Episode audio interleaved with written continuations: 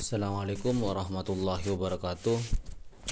Pada kesempatan kali ini saya akan mengerjakan soal UAS yang ketiga yang mana di di dalamnya itu ada dua soal.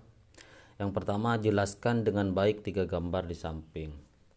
Dan juga yang kedua jelaskan tahapan penyusunan kedua dokumen tersebut RKP desa dan APB desa.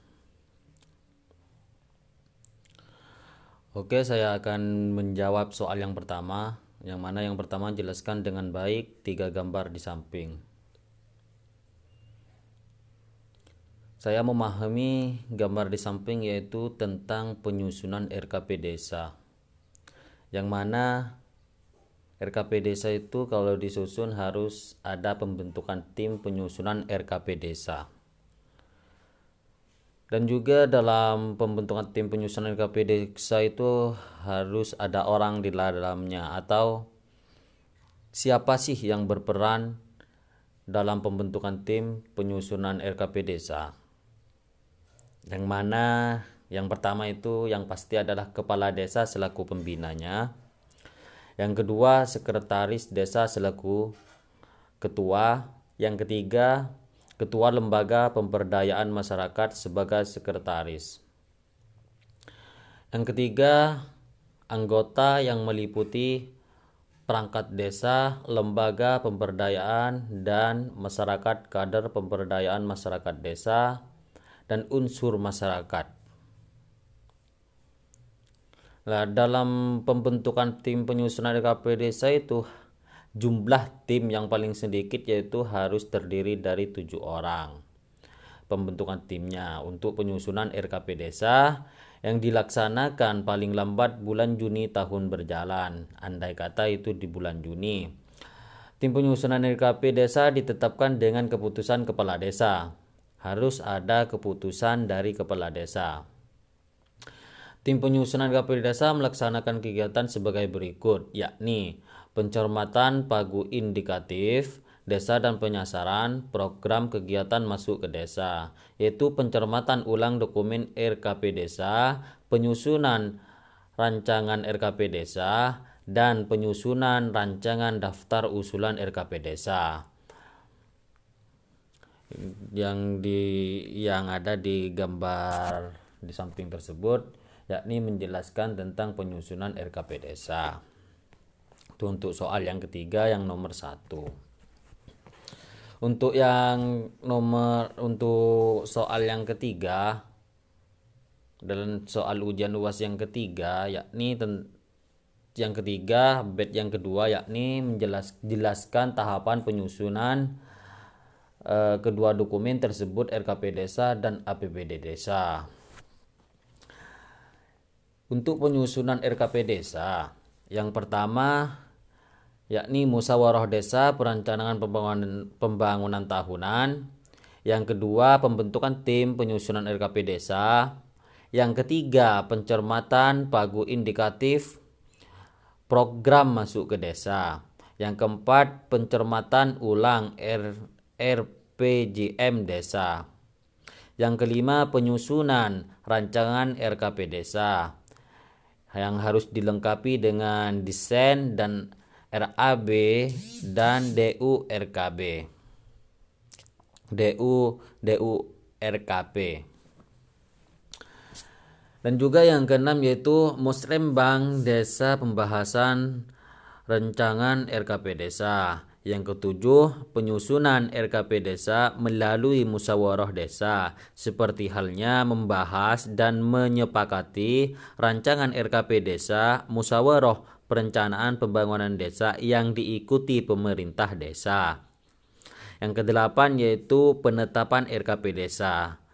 Maksud dari penetapan RKP desa yakni yaitu hasil kesepakatan musyawarah perencanaan pembangunan desa diluangkan dalam atau dituangkan dalam berita. Untuk penyusunan APB desa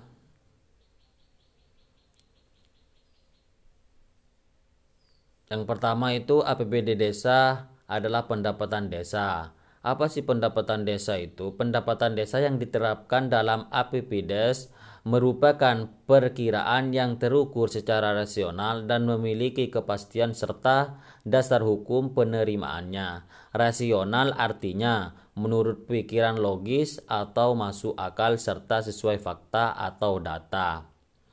Yang kedua, belanja desa. Belanja desa disusun secara berimbang antara penerimaan dan pengeluaran dan penggunaan keuangan desa harus konsisten sesuai dengan rencana, tempat jumlah dan tepat peruntukan dan sesuai dengan ketentuan dan peraturan perundang-undangan yang berlaku.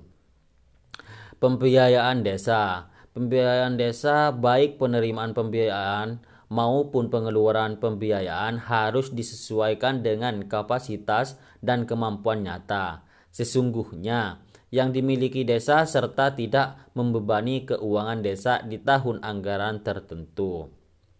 Yang keempat, untuk penyusunan APB desa yaitu silpa. Silpa dalam kurung maksud dari silpa sisa lebih perhitungan anggaran yang mana artinya dalam menetapkan anggaran sisa lebih perhitungan anggaran tahunan, anggaran sebelumnya agar disesuaikan dengan kapasitas potensi real yang ada yaitu potensi terjadinya pelampauan realisasi penerimaan desa terjadi penghematan belanja dan adanya sisa dana yang masih mengedap dan rekening dalam rekening kas desa yang belum direalisasikan hingga akhir tahun anggaran sebelumnya. Untuk APB desa, untuk pengelolaan atau asas-asas nilai-nilai yang menjiwai pengelolaan keuangan di desa yang dimaksud adalah melahirkan prinsip-prinsip menjadi dasar alur penyusunan APB desa dan harus tercermin dalam setiap tindakan. Yang di mana yang sesuai dalam Permendagri No 20 tahun 2018 keuangan desa dikelola berdasarkan asas yaitu ada ada empat asas yang harus dijelaskan. Yang pertama, satu transparan. Yang dimaksud dari transparan ter tersebut harus terbuka-bukaan dalam arti segala kegiatan dan informasi terkait pengelolaan keuangan desa dapat diketahui dan diawasi oleh pihak lain yang berwenang tidak ada sesuatu yang ditutup-tutupi atau disembunyikan. Yang kedua, akuntabel. Yang mana akuntabel mempunyai pengertian bahwa setiap tindakan atau kinerja pemerintah atau lembaga dapat dipertanggungjawabkan kepada pihak-pihak memiliki hak atau kewenangan untuk meminta keterangan akan pertanggungjawaban. Yang ketiga partisipatif.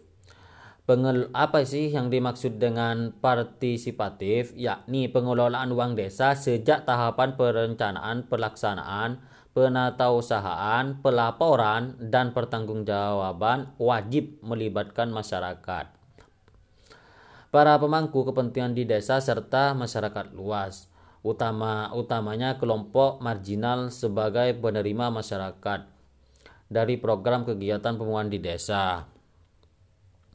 Mungkin partisipatif ini yang saya dengar hanya sedikit untuk yang apalagi yang pertama tentang transparan. Semua kalau menurut saya kalau di desa saya itu gak ada kata-kata transparan, semuanya disembunyikan.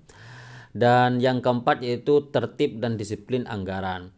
Apa sih yang dimaksud dengan tertib dan disiplin anggaran? Yakni mempunyai pengertian bahwa anggaran harus dilaksanakan secara konsisten dengan pencatatan atas penggunaannya sesuai dengan prinsip akuntasi keuangan di desa.